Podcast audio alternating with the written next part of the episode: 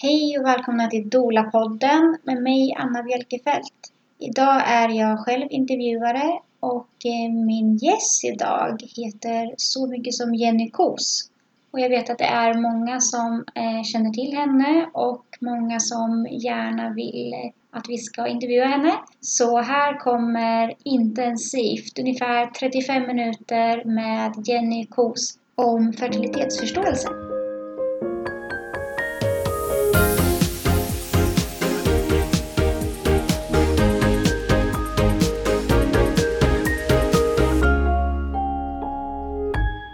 Okej, då kör vi! Ja, Jenny, välkommen till oss i Dola-podden. tack så mycket. Kul att du är här. Ja, jättebra. Vi får liksom passa på eh, eftersom du inte bor i Stockholm, eller hur? Nej. Men du är här och poddar lite. Ja, precis. Berätta, vem är du och vad sysslar du med? Jag heter ju då Jenny Kos, va? och jag har ett litet alias som är Vulverin. Och jag jobbar som Justice Holistic Reproductive Health Practitioner, vilket ju ingen förstår vad det är. Precis, upprepa det. Ja, precis. Eh, så att eh, jag brukar säga att jag är sexualhälsorådgivare med betoning på hälsa. Eh, och jag jobbar helt enkelt med att hjälpa kvinnor att reda ut sina menscykler. Och det kan ju vara allting från PMS till PCOS, endometrios till myom till allt möjligt roligt. Och mycket infertilitet som jag dealar med. Eh, väldigt många som kommer till mig för att de har svårt att bli med barn. Det är också en del som kommer till mig för att de inte vill bli med barn men de vill inte ta p-piller. Och då lär jag ut något som heter justismetoden. Och justismetoden är en symptotermal metod för fertilitetsförståelse. Vilket betyder att jag lär dem helt enkelt att förstå, observera, tolka och eh, kartlägga sina menscykler och tecknen på fertilitet respektive infertilitet i menscykeln. Så att de vet vilka dagar de kan och inte kan bli gravida. Och ifall deras cykler är hälsosamma. Och vi träffades ju förra helgen i Jönköping när det var Dola-konferens. Och då var ju du där i egenskap av ordförande för Födelsehuset. Mhm. Och eh, du är även Dola, eller hur? Ja, precis. Så där är vi ju kollegor kan man säga. Precis, så jag jobbar ju mycket med alltså, födande kvinnor överlag. Det började faktiskt med att jag var doula och sen så, eller jag började med att plugga det jag pluggade så att säga och sen var det någon som sa att ja men du borde ju bli doula också. Och sen så nu står jag här och är ordförande för Födelsehuset Ja. parallellt med allting. Så att det, det, allting går ju ihop så att jag, det händer ju att jag dolar, det är inte så ofta nu men till exempel för ett tag sedan så dolade jag en kvinna som jag hade hjälpt att bli gravid via Mm. justismetoden och då kunde jag liksom inte låta bli att följa med hela vägen upp. Nej, Så att säga. fint att få följa. Ja, verkligen. Privilegium. Eh, Men om man vill veta lite mer om det här med hur Jenny kom in på att eh, arbeta med fertilitet så kan man kolla in på hennes Instagram och Facebook, alltså Vulverin. Ja, då kör vi på med frågorna för vi hade massor av frågor men vi har kortat ner lite. Jenny, vilka saker kan påverka fertiliteten? Vill du berätta? Ja, alltså det här är ju en väldigt bred fråga då. Att jag, jag jobbar ju som sagt med att liksom, eh, lära folk att kartlägga sina menscykler och det finns ju en uppsjö av olika problem man kan ha med menscykeln. Vi har ju ett enormt, alltså en ökad eh, ofrivillig barnlöshet, så vi har ett infertilitetsproblem. Och jag hävdar ju helt klart att det har att göra med livsstilen. Alltså att det är ett problem med vår moderna livsstil. Med kost, med stress, med strålning, med gifter, med kluvetvård. Så att det är lite, ibland så brukar jag säga att vi, vi lever liksom i en giftsoppa. Eh, så att det är ju många saker man inte kan påverka. Alltså, du vet, vad flygplanen nu eventuellt sprutar ut, det kanske vi inte har så mycket att säga till om. Men vi kan ju påverka vad vi stoppar i oss och liksom vilka hushållsprodukter vi använder och så vidare. Och så får man inte glömma bort att samtidigt som kvinnor kvinnors fertilitet också går ner så går mäns ner i minst lika stor utsträckning. Och jag pratar ju väldigt mycket med kvinnor som har olika sorters infertilitetsproblem och eh, de mest centrala grejerna det är ju alltså vad de äter och hur mycket de stressar och hur mycket de sover. Liksom. Det är ju, det är ju sådana saker som, som vi allihopa kämpar med på olika sätt. Men männen är ju då minst lika påverkade av detta och tyvärr måste jag säga ur jämställdhetsperspektiv så tycker jag det är lite problematiskt att eh, alltså, det finns ju en enorm ska man säga, inte okunskap, men man ignorerar det faktum att män faktiskt är minst 50% av problemet. Och i IVF-industrin, om man nu kan kalla den så, så, så är det ju ett enormt fokus på att man ska manipulera kvinnans kropp. Och det är också en väldig press på kvinnor där vi känner oss som att det är någonting, någonting söndrigt med oss. Så där kan man tänka på till exempel tv-serien Handmaid's Tale där alla egentligen vet att det är männen som är fertila men, men de har liksom ett antal surrogater och det är de enda kvinnorna som då är fortfarande fertila och blir, blir inte de gravida så är det ju deras fel fast att alla egentligen under ytan vet att det är det som är problemet. Och jag kan bli så här knäckt när jag just pratar med kvinnor som har, alltså de kommer med en sån desperation där de försöker liksom på alla möjliga sätt att vara den perfekta blomkrukan för dåliga frön. Och så frågar man, men din man då, vad gör han? Ja, han lever på snus och O'boy och polarkakor liksom. och så tänker man, men herregud, vet inte han om att en man kan ju faktiskt förnya hela sin, så att säga, sats av arvsanlag inom loppet av fyra månader ungefär. Så att den spermie som anläggs idag, den utsöndras om ungefär tre månader. Och det kan ju vara en rätt bra grej att säga till sin snubbe. Om man nu är tillsammans och man gemensamt vill skaffa barn och han inte är med på tåget så att säga. Så är det faktiskt värt att peka ut att jag menar kvinnor är födda med alla ägg vi någonsin kommer ha. Visst, vi kan försöka preppa blomkrukan och gödsla och fixa och, och dona liksom och se till så att vi kan behålla barnet och allt det där. Självklart, och det är ju det jag jobbar med. Men det är inte schysst att lämna dåliga frön då. Det är det faktiskt inte. Och han har mycket mer direkt möjlighet att faktiskt påverka det här och få en helt ny, så att säga, uppsättning spermier faktiskt om ungefär 3-4 månader. Med hjälp av just livsstilsförändringar, kostomläggningar, lite näring och så vidare. Mm. Och vad är din erfarenhet? Du kom in på det här med IVF. Kvinnor som har gått igenom eller genomgått IVF. Vilka utmaningar kan de stå inför? Alltså det är ju väldigt många som gör det faktiskt. Så, att, så att det, det är nästan svårt för mig i alla fall som jobbar den kapaciteten jag gör. Så kan jag tycka det ibland är svårt att alltså, så här, sära på de som har gått igenom IVF och de som inte gör det. För, för mig så är det som att alla gör det nästan. För att det är ju många gånger folk som kommer efter att de har varit i några processer det kanske inte har lyckats. Eller de vill ha ett barn till efter att det har lyckats. Så. I min åsikt, och det här kan låta lite kontroversiellt, så är ju IVF faktiskt en väldigt våldsam behandling. Vi är tacksamma för att den finns. Den funkar absolut eh, i många fall, men den har också en enormt stor felmarginal. Den funkar i väldigt få fall skulle jag vilja säga efter hur ofta kvinnor utsätts, alltså utsätts för den. Så får man väl säga att procentandelen som faktiskt får en lyckad graviditet är ju relativt låg faktiskt. Men vi är glada för den när den funkar. Det är bara det att den går ju ut på att tvinga kroppen att bli gravid när kroppen faktiskt redan har sagt att den inte riktigt orkar. Och det perspektivet vill jag gärna ha med mig. Alltså jag har ju såklart inga åsikter om vad folk gör i sina privata liv. Men om de kommer till mig och har gjort liksom flertalet IVF-behandlingar som inte gått bra. Då måste jag ju ställa frågan, ja men har du gått till botten med vad det är som faktiskt gör att du inte Alltså varför orkar inte din kropp? Vilka är faktorerna? Vad handlar infertiliteten om? För dig, många gånger är det till exempel ett sköldkörtelproblem. Eh, och då måste man ju styra upp det helt enkelt. För att annars så kommer det bli väldigt svårt. Och varje gång du gör en IVF-behandling, det är inte så att du blir mer fertil efteråt. Du blir oftast ganska knäckt. Jag träffar kvinnor som är vrak efter de här behandlingarna. Eh, som mår dåligt både psykiskt och fysiskt och definitivt inte har en bättre fertilitet efter en omgång så att säga.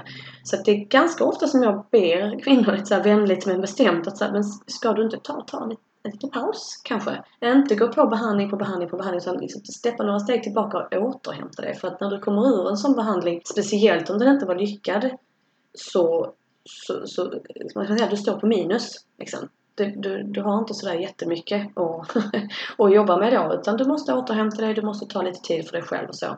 Och den, den, den grejen är den, är, den är svår att höra för att kvinnor som är i den processen är ju såklart, för det första så, så, så vill de bli med barn. Vilket i sig är en ganska jobbig känsla att gå runt och bära på. Det sätter igång väldigt mycket ångest. Eh, skulle ibland säga att det är direkt dödsångest. Alltså ångest för att bli gammal, ångest för att vara sjuk, ångest för att inte kunna reproducera. Det är väldigt djupa teman. Liksom. Det är inget trivialt man går igenom det. Utan känslomässigt är det en stor process.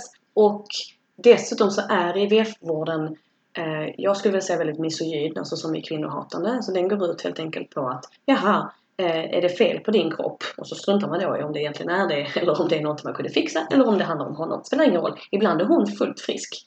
Men det är ändå hon som genomgår behandlingarna. Man säger knappt till männen att, att äta bättre eller ta hand om sig själva utan det är bara att säga ah, ja, ja men rök inte kanske. Och så är det bra med det. Det finns också då en kultur inom liksom IVF-karusellen som man kan kalla den eh, där man pratar om till exempel äggreserv. Man pratar om kvinnors kropp som att det vore en maskin. Eh, som då är sönder.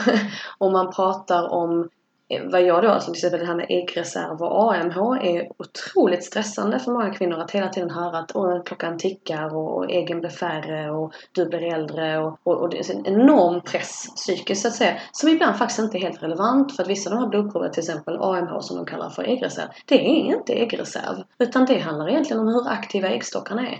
Mår hon bättre så kan de pigna till och AMH kan gå upp men hon får höra det som att det är en en tickande klocka som så att säga bara blir färre och färre och färre och färre. Sen kommer hon få slut på ägg och så går det in klimakteriet och då är det över. Och, och, den pressen är faktiskt inte alltid helt relevant heller för fertiliteten utan eh, man, man borde kunna liksom få in lite mer helhetstänk i okej, okay, hur tar vi hand om det? Sen finns det absolut de som verkligen behöver den här hjälpen. Det ska vi inte säga någonting om. Men där, där finns en så att säga kultur inom, inom IVF-vården som jag tycker är ganska obehaglig rent eh, ja, värderingsmässigt hur ser man på kvinnokroppen och, och kroppen och fertiliteten överhuvudtaget?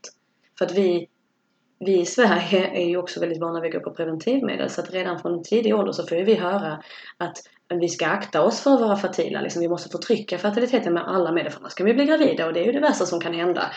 Och så, så går man ju på preventivmedel i väldigt många år och sen plötsligt så är man då 30-35 någonting och vill ha barn och så funkar det inte. Och då plötsligt så inser man att jaha, det kanske inte var så himla lätt som jag hade hört att det skulle vara.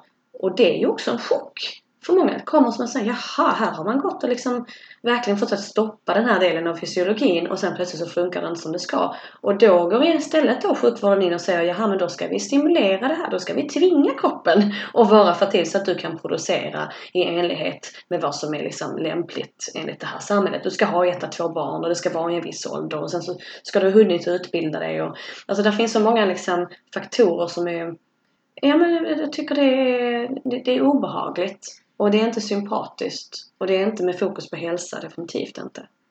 Men som du nämnde det här med IVF, att många mår dåligt efteråt. Vad tänker du, vad, liksom, vad beror det på och vad är det du möter? Alltså för det första så är det ju större risk för komplikationer. Alltså där är ju större risk för att det då inte funkar såklart. Och sen så att man får missfall och även komplikationer under graviditet och förlossning så för att det, det, man har ju i viss mån ändå frångått vissa naturliga steg.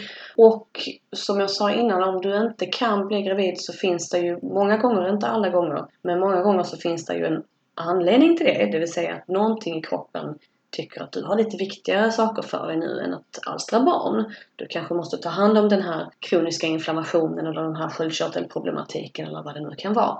Och när du genomgår en IVF så struntar du i det faktiskt.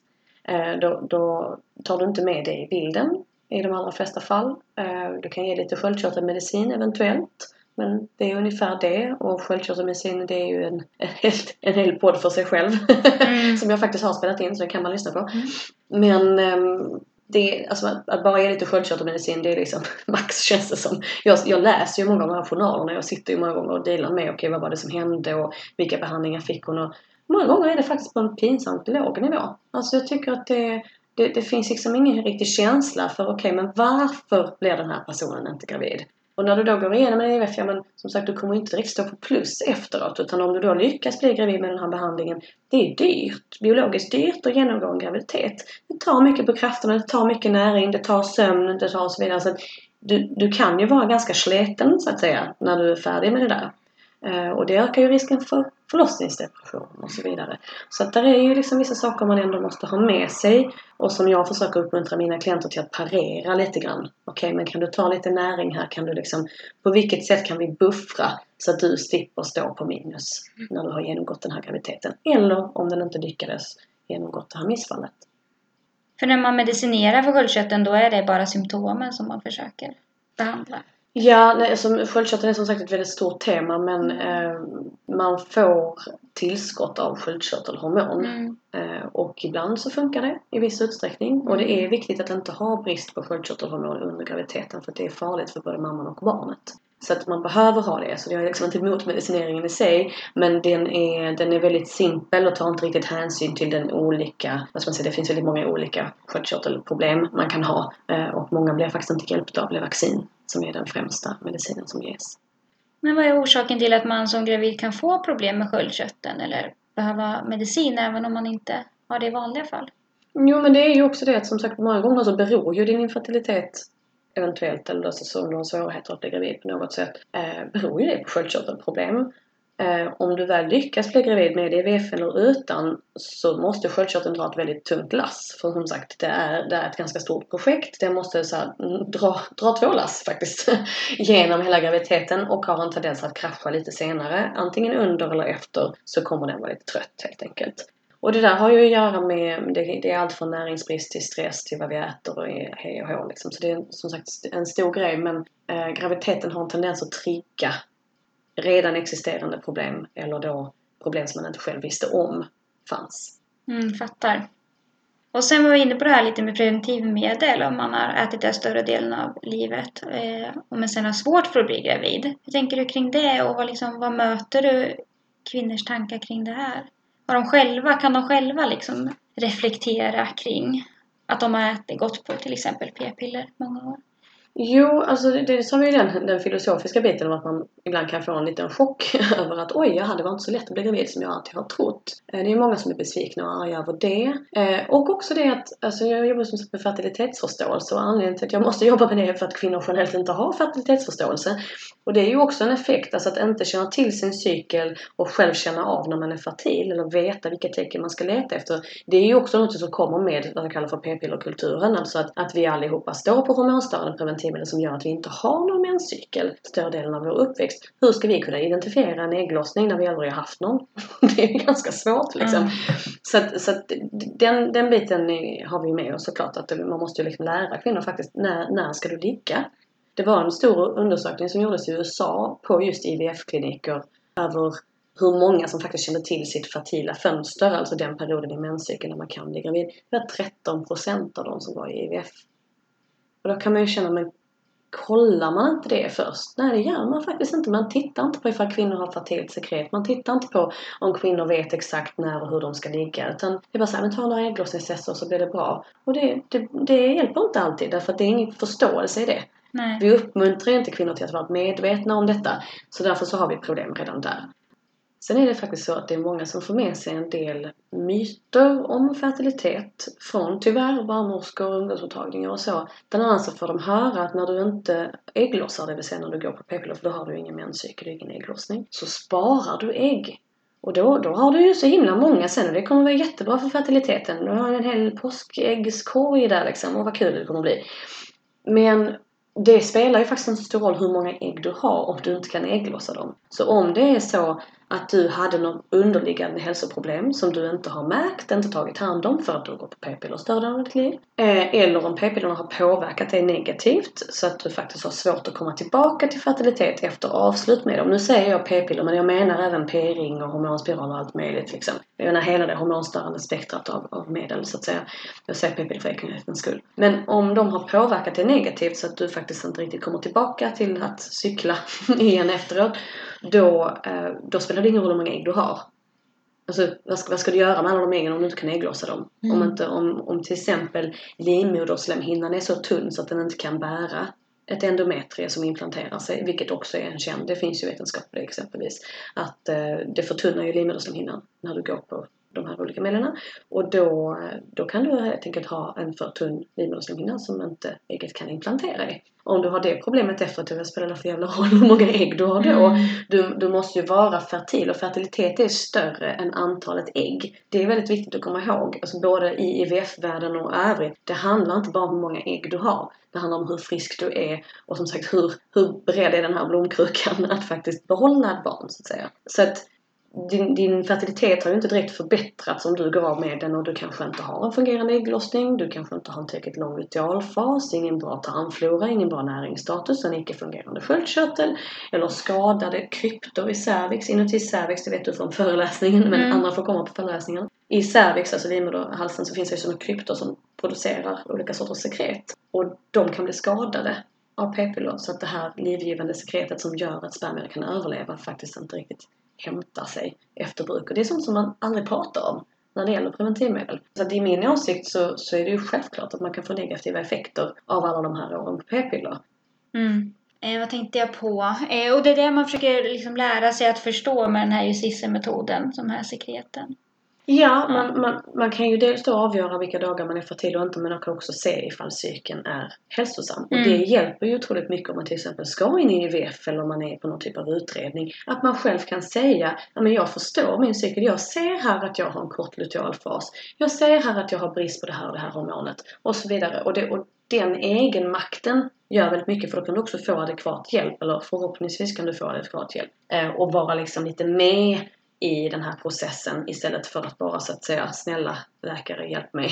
Så, Nej, så. där egenmakten tror jag är väldigt viktig och det pratar vi mycket om inom olika områden när man eh, jobbar som doula också. Men Mm. även inom det här området såklart. Det är superviktigt att få känna att man eh, kan påverka. Att man inte Mm. bara lägger, lägger sig i deras händer. Men för inom vården brukar man ju säga att det inte påverkar den framtida fertiliteten att gå på hormonella eh, preventivmedel i många år. Hur tänker du kring det och finns det något underlag för det? Det ja, du alltså det, fin- det finns ju en studie som de ofta hänvisar till i det här avseendet som heter Return of Fertility After Discontinuation of Contraception.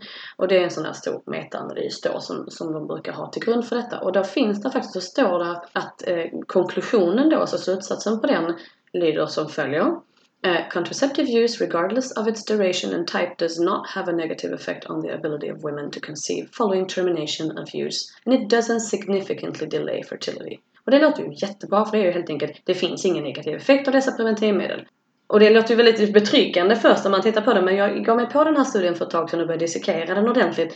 Jag tänkte men, men den är väldigt lång och det låter som en ganska slarvig slutsats. Så jag skulle liksom kolla, okej men vad betyder det? Så måste man ju först fråga, okej men vad menar de med fertilitet? När de säger return to fertility och när de pratar om fertility, vad är det för dem? Jo men då visar det sig att det handlar ju inte om fullgångna graviditeter. Utan det handlar om förmågan att bli gravid överhuvudtaget inom ett år efter att du har slutat. Alltså om du skulle vara med i den studien då och du har gått av på p-piller i januari. Om du har lyckats bli gravid överhuvudtaget under hela det året men sen fått ett missfall så räknas det ändå som fertilitet. Och det är ju en rätt stor skillnad från så här olyckade fullgångna graviditeter. Så att då börjar jag titta, okej djupare, men vad står det här då? Och så, så står det där, ja men vi har tagit bort alla studier som, som handlade om fullgångna graviditeter, de ville vi inte ha med. Men i samma studie så påpekar forskarna flera gånger att de som inte använt sådana preventivmedel faktiskt var mer fertila. Men det kan man ju bara liksom trolla bort. Sådär, den faktum. Men det står i studien. Eh, uh, so higher level of fertility was observed liksom, among non-hormonal contraception users. Okej, okay, så. Och sen så säger de också rakt ut att det tar flera månader för de artificiella hormonerna att gå ur systemet och att det fördröjer fertiliteten. Då säger de så här. Uh, it takes commonly months to clear from the body, which results in temporary delay in resumption of pregnancy for months. Och så tänker man, men hur går det ihop med konklusionen? Hur kan man både säga det och samtidigt säga att det inte har någon effekt?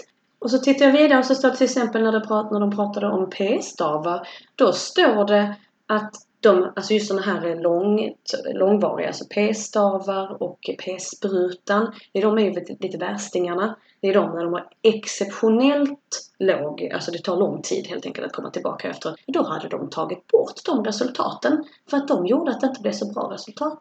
Så då tog de bort den och sen när man hade tagit bort den, ja då var det inte signifikant längre. Men var är etiken i detta? Hur kan man släppa en forskning? Och det här är ju det som barnmorskorna grundar sig på. När de, alltså då grundar de sig på konklusionen men det verkar inte som att någon har suttit och läst igenom den här jättekända studien. Så det var liksom bara grej på grej på grej. Liksom. Och så säger de However the effect of parity, parity är alltså paritet som i graviditet liksom, in the resumption of pregnancy following cessation, alltså avslut av contraception, was inconclusive. Helt enkelt, de kunde inte bekräfta sin tes. Det står flera gånger igen. Vi, vi, vi kan inte säga något för vi förstår inte för de här studierna är dåliga. Studierna visar olika resultat. Studierna är svårtolkade. Så att de bara så här styrde den utifrån vad de ville säga. Vilket är, det låter som ett beställningsjobb. Helt enkelt. Mm. Med väldigt tydlig agenda. Eh, och, och, man undrar ju liksom, var, som sagt, vad är forskningsetiken i detta? Men utifrån den här studien som då ja, flera gånger påpekar att jo men det har effekt eh, och det kan vara svårt eh, och vissa preventivmedel är värre än andra och så och dessutom då inte handlar om fullgångna friska graviditeter utan inklusive diverse missfall. Och jag menar, de flesta som jag träffar som, som aktivt vill bli gravida och som oroar sig för sin fertilitet de tycker det är ganska viktigt med ett levande barn i slutet. Och jag tror inte att de flesta tänker att, att det handlar om ett helt år. För det man ofta får höra från vården är att ja, du kan börja försöka efter två, tre månader. Jag har träffat vissa som börjar försöka omedelbart. Och visst, det finns ju de också. Jag har träffat de klienter som blir gravida två veckor efter avslut på p-piller. Så det är inte det att det är omöjligt, absolut inte. Men det finns en liten regel, till och med inom vården, att två, tre månader vill man gärna vänta. Ur mitt perspektiv så skulle jag säga att den där regeln är ju dels för att hormonerna som sagt stannar kvar i kroppen, vilket den här studien bekräftar. Eh, men det är också att ur mitt perspektiv så vill jag se friska cykler hos någon innan de börjar försöka. För att om cyklerna inte är friska, och det här är ju tyvärr någonting som kvinnor har ganska dålig koll på idag, då har du också mycket högre risk för missfall. Och nu har ju människor en hel del missfall och det behöver inte betyda så mycket i sig för att vi har det som art betraktat har vi ganska många missfall. Men om du kan undvika det så är det ju ganska trevligt. Alltså, men det är ju inte kul att gå igenom ett missfall även om det är tidigt. Även om man inte, kanske inte blir jättehårt påverkad alla gånger och man överlever liksom. Men jag menar, kan du, kan du optimera dina möjligheter till att ha en frisk graviditet på första försöket, då vill du ju göra det. Men då måste du ha koll på psyken först. Så att när man, när man uttrycker det på, här, på det här sättet Eh, som de gör i den här studien så får man lite falska förhoppningar om att nej men det påverkar inte överhuvudtaget, du kan bara sluta och gå på direkt. Ja men du har ju faktorn med att hormonerna stannar kvar och det finns ingen forskning på hur det påverkar barnet. Och du har också då faktorn att, att det, det handlar om alltså många, många månaders försökande som då beräknas som fertilitet. När man säger så. Och det känns ju ganska orättvist som sagt. Och vad jag försöker göra i mitt arbete är ju att jag jag vill göra så mycket som möjligt för kvinnor för att de ska förstå själva och kunna bevaka själva. Har jag nu en frisk cykel, är det läge att försöka? För att man vill ju inte så säga liksom set yourself up för ett missfall heller. Den här studien känns ju helt eh, ointressant. Ja, men det är en av de få som, som är så pass stor, en sån mm. systematisk metaanalys liksom, som de använder som underlag helt enkelt. Så att det kan, det kan vara bra att vet, alltså, veta om det nästa gång man hör den där. Det här är ingen påverkan alls. Det är oftast med grund i denna. Mm. Men då får man sätta sig och läsa den ordentligt och då ser man att det står inte samma sak som det står i slutsatsen. Och slutsatsen är tillrättalagd efter vad de vill att den skulle visa. Mm. Det är som du säger, att man kanske ändå syftar till att ha ett levande barn i slutet. Ja, precis. Ja. Det, det, det är ju förhoppningen. Om man äter hormonella preventivmedel eller p-piller, borde man vara orolig? För sin framtida fertilitet, tänker mm. du? Ja, alltså jag förstår. Jag är ju ganska van vid att när, när jag föreläser så, så förklarar jag ju hur saker funkar. Och jag gör det utan någon agenda. Så jag, jag är inte intresserad av att skrämma upp någon eller, eller liksom lägga någon sorts värdering i vad folk gör. Alltså jag är själv också, jag gör ju det här för att jag går på p-piller och så liksom. Det är därför jag är där jag är. Mm. Så, så att det, det handlar liksom inte om att sätta skräck i folk överhuvudtaget. Men det här är faktorer vi ändå behöver ha med oss. Och väldigt många av oss går på olika typer av preventivmedel. Det har vi rätt till. Liksom. Och eh, det kan absolut finnas tillfällen där man verkligen känner att man måste eller behöver av olika anledningar. Jag vill ju bara att folk ska veta vad de gör. Alltså för mig handlar det om det informerade valet, precis som det gör i doula-yrket. Att du går ju inte in och säger till någon liksom att eh, nej men om, om du gör ett planerat kejsarsnitt så är du en dålig människa för att du, du kommer att göra det här och det här och det här mot ditt barn. Så kan man ju inte göra utan man respekterar alla människors fria val och så informerar man sakligt om okej okay, men det här är förutsättningarna. Om du till exempel har ett kejsarsnitt så kanske du vill försöka liksom då eh, kolonisera lite trevliga bakterier, du kanske vill ligga hud mot hud. Alltså du, du, du vet vad jag menar, mm. eller hur? Och samma sak här, om du har gått preventivmedel under en lång tid så kanske du bör vara beredd på att dina cykler inte kommer komma tillbaka och vara jättefriska direkt. Du kanske behöver ha med i beräkningen att det inte finns någon forskning på hur det påverkar barnet ifall du blir gravid eh, trots ett dagen efter-piller. Alltså, det, det, för det finns inte. Den typen av forskning finns inte ju. Så att du, du måste liksom själv ta ansvar för den biten och vill du optimera din fertilitet så kanske du inte bara vill det också heller för att bli gravid utan också för att kunna må bra, alltså inte ha så mycket PMS, inte ha så mycket mensvärk. Och där är justismetoden ett väldigt bra verktyg därför att det gör att du, att du själv som sagt får den här översikten. Att du själv kan liksom kalibrera och fixa lite så, så att det kan, du kan bli friskare liksom än vad du var innan. Och om du har stopp på preventivmedel och du nu vill bli gravid, avsätt lite tid för att återhämta dig. Avsätt tid till exempel för att återställa dina näringsvärden därför att du får näringsbrist av att gå på p-piller. Och dumt nog så är det ju på de näringsämnena som du behöver för att driva igenom en bra cykel. Så att detta att många mår väldigt dåligt när de slutar med dem och är lite chockade över hur dåligt de faktiskt mådde. Det är för att de som sagt lite står på minus. Där kanske du vill jobba upp så att du har de bästa möjliga förutsättningarna för att sen bli gravid. Men det är inte sagt att det inte kommer gå. Eller, alltså för alla är ju olika, eller hur? Så att, att det kommer vara olika hur hårt påverkad du är eller om det funkar, hur robust din egen fertilitet är, vad du har för förutsättningar. Men jag skulle säga i allmänhet förvänta dig inte att det kommer gå så lätt.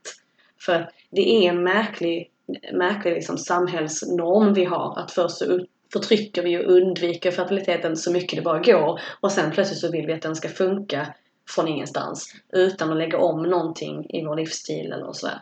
Och många gånger också lite äldre än vad vi var förut. Vad menar du med att man står på minus? Då menar jag näringsmässigt och hälsomässigt överlag, alltså vad det gäller din allmänhälsa.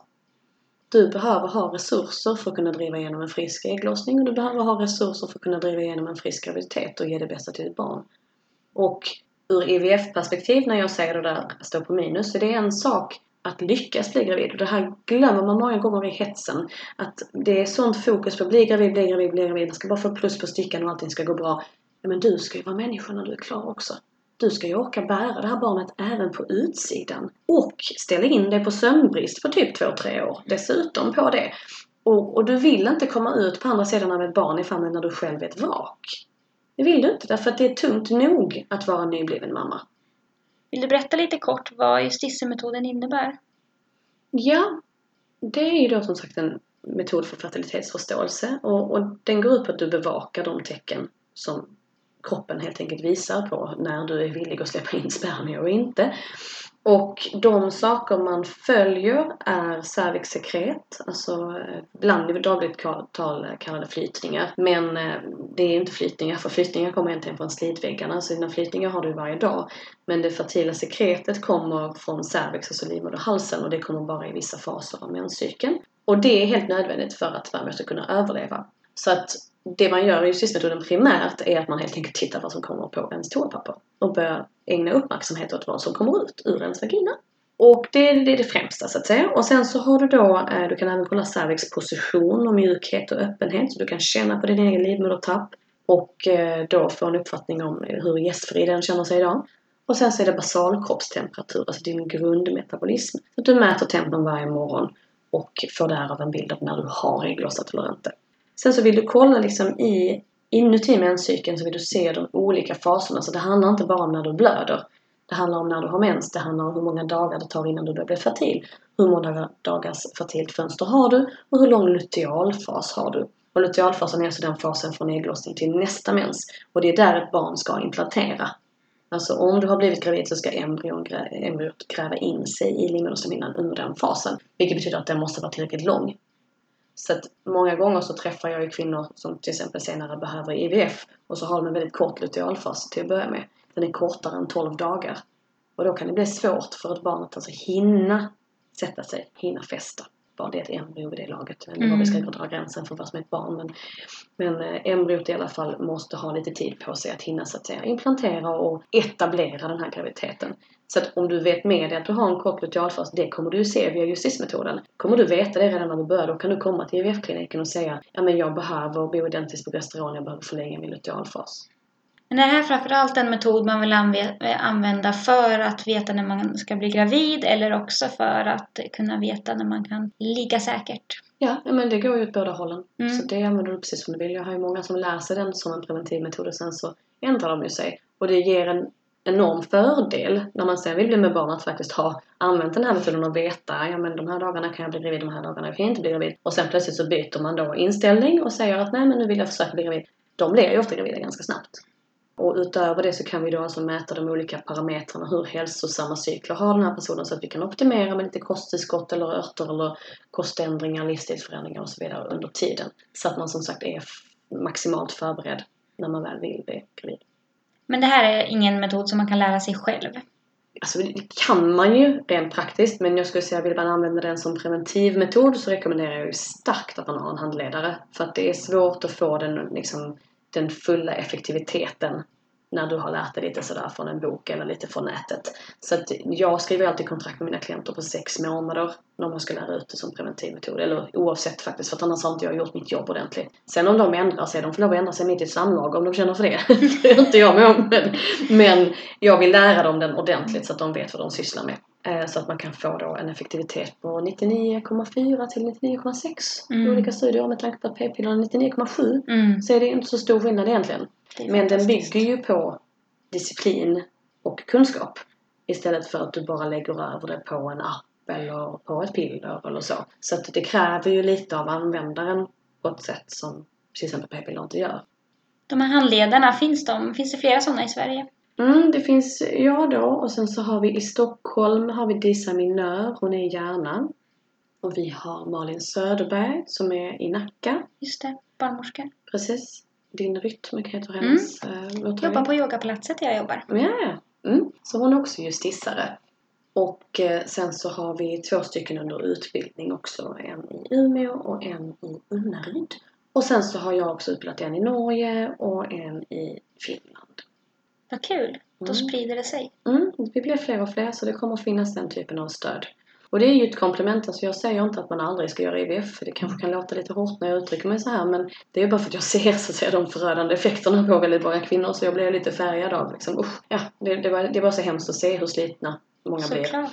Eh, och förkrossade när det inte funkar och så, så tänker jag alltid, men varför kan man inte bara gå in från början och titta vad problemet är, istället Mm. för att bara gå in och säga, jaha, nu ska vi manipulera det här, nu ska vi pusha fram en ägglossning, vi ska pusha fram graviditet.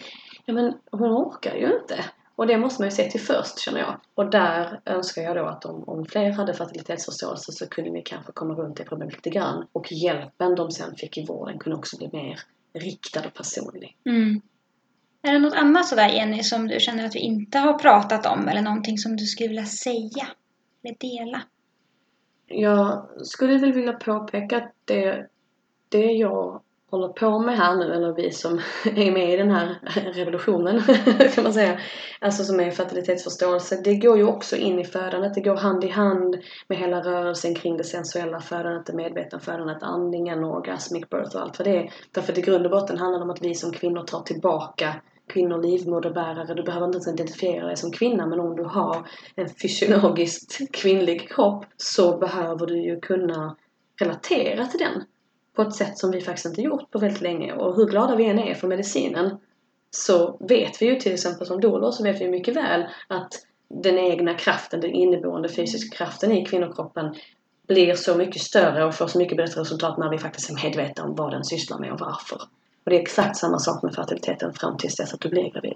Mm. Jag rekommenderar er att kolla in Jenny Kos Instagram, Vulverin Kos. Den är väldigt snygg. Stort tack Jenny för att du kom till oss. Tack själv!